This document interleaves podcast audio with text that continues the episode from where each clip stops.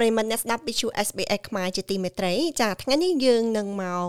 ជួបជាមួយនឹងតំណាង អង្គការនិងស្ថាប័ននៅក្នុងសហគមន៍ខ្មែរយើងនៅរដ្ឋវីតូរីយ៉ានេះចាផ្ដើមដំបូងដោយអង្គការមួយឈ្មោះថាកប៉ានាងខ្ញុំនឹងមិនរៀបរាប់ទេថាតើកប៉ាជាអ្វីពីព្រោះថ្ងៃនេះយើងមានវាគ្មិនរបស់យើងអញ្ចឹងខ្ញុំនឹងប្រកល់វេទិកានេះជូនទៅវាគ្មិនរបស់យើង ណែនាំអំពីស្ថាប័នហើយក៏នឹងរៀបរាប់អំពីបេសកកម្មនៅក្នុងឆ្នាំ2023ផងដែរខ្ញុំសូមជូនវេទិកានេះទៅកាន់វាគ្មិនរបស់យើងចាសសូមអញ្ជើញបាទសូមអរគុណជាដំបូងខ្ញុំសូមអរគុណចំពោះវិទ្យុ SBS នៅអូស្ត្រាលីអឺហើយនឹងសូមជម្រាបសួរដល់បងប្អូនជនរួមជាតិខ្មែរជនរួមភាសាខ្ញុំឈ្មោះអង្គប្រសើរជា តំណាងនៅក្នុងជួរគណៈកម្មការ Cambodian Alliance for Parity Women on Cambodia ហើយកាត់ថាកបៈបាទដែលមានទីតាំងនៅ Melbourne ប្រទេសអូស្ត្រាលីនេះក្នុងនាមខ្ញុំតំណាងឲ្យអង្គការកបៈខ្ញុំសូមជម្រាបថាអង្គការកបៈចាប់ផ្ដើមតាំងពីឆ្នាំ2000មករហូតមកទល់ពេលនេះហ្នឹងគឺថាយើងមានអាយុកាលជាង10ឆ្នាំហើយអង្គការកបៈមានទិសដៅ អនុវត្តនៅស្មារតីកិច្ចព្រមព្រៀងក្រុងប៉ារីសយើងទាមទារឲ្យប្រទេសជាហត្ថលេខីនៃកិច្ចព្រមព្រៀងសន្តិភាពប៉ារីសដែលជាកិច្ចព្រមព្រៀងមួយស្ដីអំពីដំណោះស្រាយនយោបាយរួមរបស់កម្ពុជាដែលកម្ពុជាឆ្លងផែឆ្លងក្នុងភ្នក់ភ្លើងសង្គ្រាមទាំងជាជនរងគ្រោះក្នុងភ្លើងសង្គ្រាមក្នុងតំបន់ហើយក៏មានសោកនាដកម្មនៅក្នុងប្រទេសរបស់ខ្លួនក្នុងរបប 3ឆ្នាំ8ខែនិង21ថ្ងៃបាទអង្គការកប៉ាក់ជានិច្ចកាលតែងតែសហការជាមួយនឹងអង្គការនានាដែលមានទស្សនវិស័យរួមដូចជាអង្គការ Save Cambodia ដែលមានទីស្នាក់ការនៅសហរដ្ឋអាមេរិកមានអង្គការការ៉ាត់ហើយនៅអូស្ត្រាលីនេះយើងតែងតែចូលរួមសហការការងារជាមួយនឹងអង្គការសមាគមខ្មែររដ្ឋវិទូយ៉ា សហព័ន្ធខ្មែរព្រមទាំងអង្គការសហព័ន្ធខ្មែរកម្ពុជាក្រោមផងដែរនិងអង្គការមួយចំនួនទៀតនៅខាង New South Wales ដែលយើងតែងតែចូលរួមធ្វើជាញាតិទាមទារប្រទេសអូស្ត្រាលីគឺជាហត្ថលេខីមួយក្នុងចំណោម19ហត្ថលេខីផ្សេងទៀតដែលមានខ្មែរនៅក្នុងនោះផងដែរបានចុះហត្ថលេខានៅលើកិច្ចព្រមព្រៀងណាសិទ្ធិសញ្ញានៃកិច្ចព្រមព្រៀងក្រុងប៉ារីសនេះកម្ពុជាសប្តាហ៍ថ្ងៃក្នុងរយៈពេល31ឆ្នាំមកដល់ពេលនេះគឺ យើងនៅតែមិនទាន់បានអនុវត្តត្រឹមត្រូវទៅតាមស្មារតីនៃកិច្ចព្រមព្រៀងនឹងនៅឡើយទេប្រទេសកម្ពុជាខ្លួនឯងនឹងក៏បានសន្យានៅក្នុងកិច្ចព្រមព្រៀងនឹងផងដែរថាកម្ពុជាប្រកាន់នៅរបបនយោបាយសេរីពហុបកយើងសម្រាប់ជោគវាសនារបស់ប្រទេសយើងដោយយកការបោះឆ្នោតការបោះឆ្នោតនោះក៏ប្រព្រឹត្តទៅដោយសេរីត្រឹមត្រូវនិងយុត្តិធម៌ចា៎បាទលោកប្រសាគឺនាងខ្ញុំចង់ជម្រាបលោកប្រសាបន្ថែមថា អ្វីដែលរៀបរាប់មកខាងលើនេះគឺជាទិសដៅនិងបេសកកម្មរបស់ស្ថាប័នយើង នៅក្នុងឆ្នាំ2023នេះដើម្បីឲ្យសម្រេចបាននៅគោលដៅទាំងអស់នោះតើខាងកបៈមានការតាំងចិត្តដោយម្ដេចខ្លះទៅហើយមានបេសកកម្មបែបណាខ្លះទៅចា៎កបៈនឹងធ្វើអ្វីនៅក្នុងឆ្នាំថ្មីឆ្នាំ2023នេះយើងឈរនៅលើដែលគោលការណ៍3ទី1ការសហការជាមួយនឹងអង្គការផ្សេងៗនៅក្នុង ទូទាំងពិភពលោកអង្គការខ្មែរផ្សេងៗនៅក្នុងទូទាំងពិភពលោកដើម្បីជំរុញដាស់តឿនឲ្យប្រទេសជាហត្ថលេខីហ្នឹង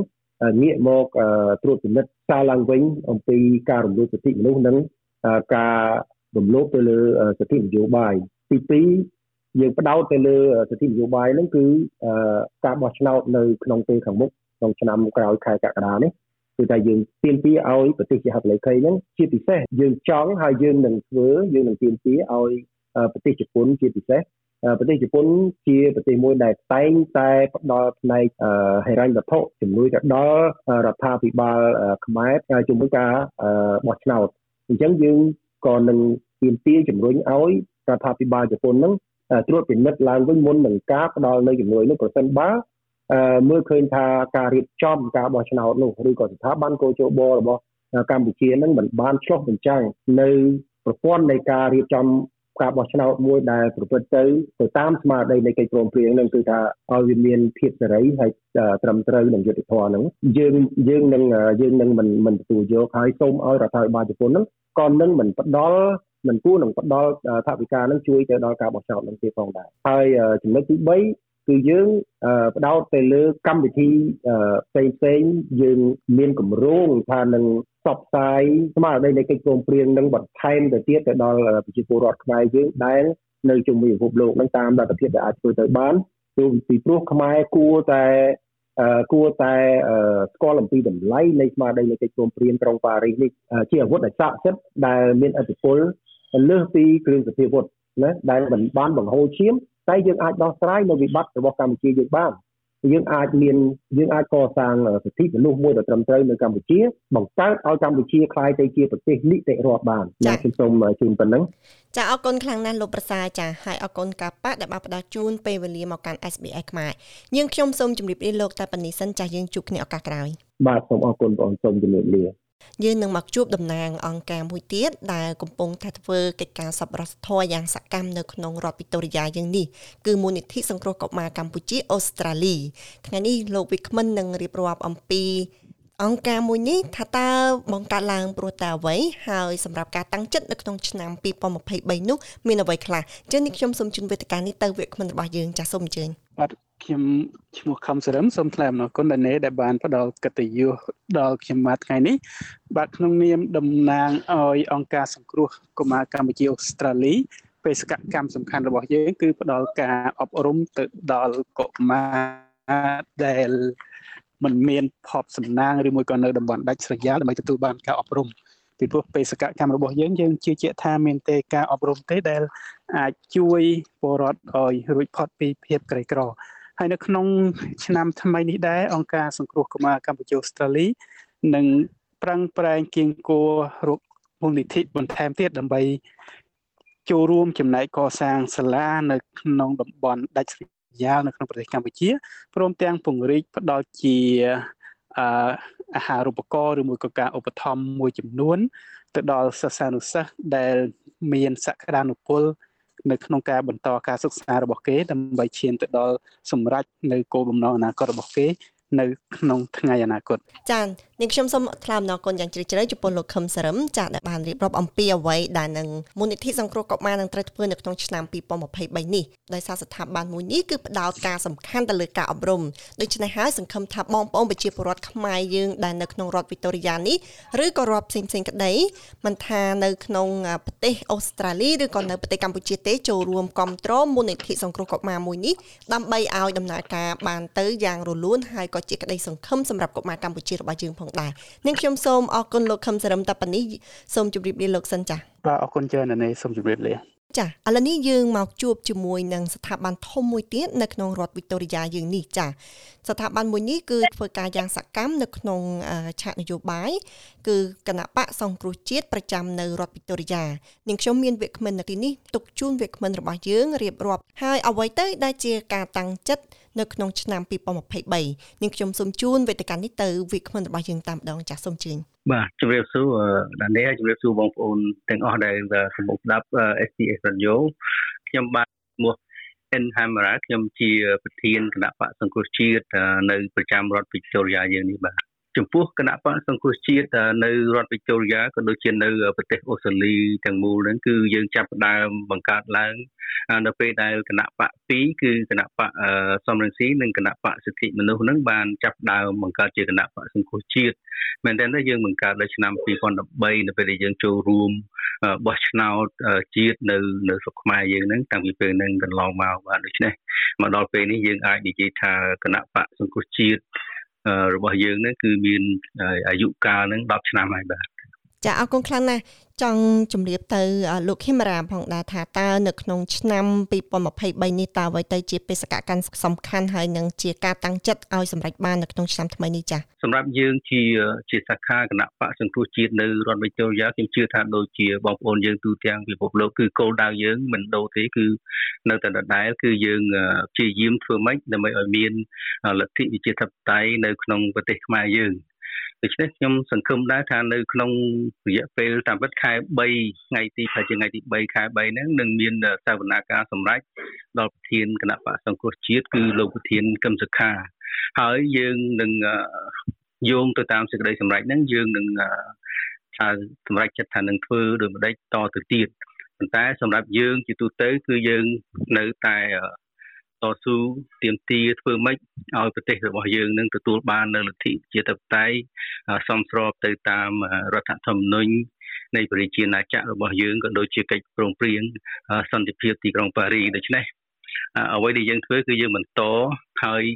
សម្រាប់យើងបើសិនជានៅក្នុងការបោះឆ្នោតខែ6ឆ្នាំ2023នេះមិនមាន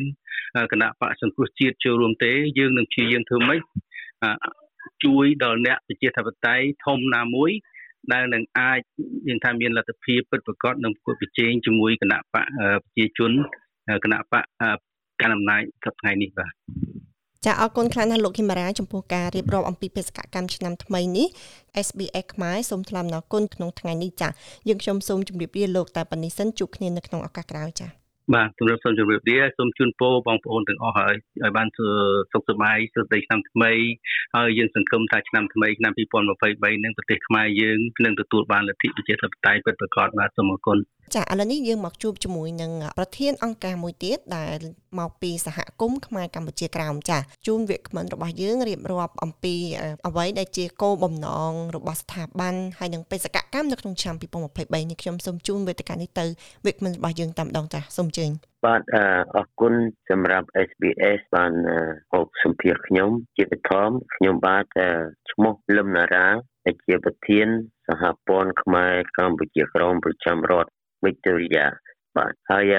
មុននឹងចាប់ផ្ដើមនៅខ្ញុំនឹងសូមនិយាយអំពីប្រវត្តិទូទ្រោះនៅសហព័ន្ធខ្មែរកម្ពុជាក្រមបាទសហព័ន្ធខ្មែរកម្ពុជាក្រមគឺបានបង្កើតឡើងនៅ ថ្ងៃទី4ខែសីហាឆ្នាំ1996ដែលមានទីតាំងធំនៅសហរដ្ឋអាមេរិកបាទហើយគោលដៅចម្បងរបស់សហព័ន្ធខ្មែរកម្ពុជាក្រមនោះគឺមានគោលដៅបំរើនៅសេវាកម្មដល់ខ្មែរកម្ពុជាក្រមបានន័យថាបើសិនជាខ្មែរកម្ពុជាក្រមនៅទីណាគឺត្រូវតែមាន សហព័ន្ធនៅទីនោះបាទអានឹងជាជាគោលដៅចម្បងរបស់សហព័ន្ធចាសម្រាប់ឆ្នាំ2023តើសហព័ន្ធខ្មែរកម្ពុជាក្រោមប្រចាំរដ្ឋវិកតូរីយ៉ាមានបេសកកម្មបែបណាខ្លះឬមួយក៏ផែនការបែបម៉េចដែរចាអឺសម្រាប់សហព័ន្ធខ្មែរកម្ពុជាក្រមប្រចាំរដ្ឋវិកតូរីយ៉ានេះគឺថាយើងនៅតែបន្តនៅការតំណាក់ទំនងគ្នាហើយបេសកកម្មរបស់យើងគឺថាធ្វើម៉េច ត្រូវប្រមូលផ្ដុំខ្មែរកម្ពុជាក្រមហើយឲ្យបង្រួបបង្រួមគ្នានឹងធ្វើការជាមួយអង្គការផ្សេងផ្សេងសម្រាប់ជួយទៅដល់ខ្មែរកម្ពុជាក្រមដែលកំពុងរងទុក្ខពីធានានៅស្រុកកំណើតរបស់ខ្លួនបាទគឺនៅវៀតណាមខាងត្បូងយួនគេហៅថាណាំបលនឹងបាទ ចាអរគុណលោកនារាខ្លាំងណាស់ចំពោះការចូលរួមផ្ដល់បទសម្ភាសន៍មកខាង SBS ខ្មែរចានាងខ្ញុំសូមជម្រាបលាលោកតែប៉ុណ្្នេះសិនចាបាទសូមជម្រាបលា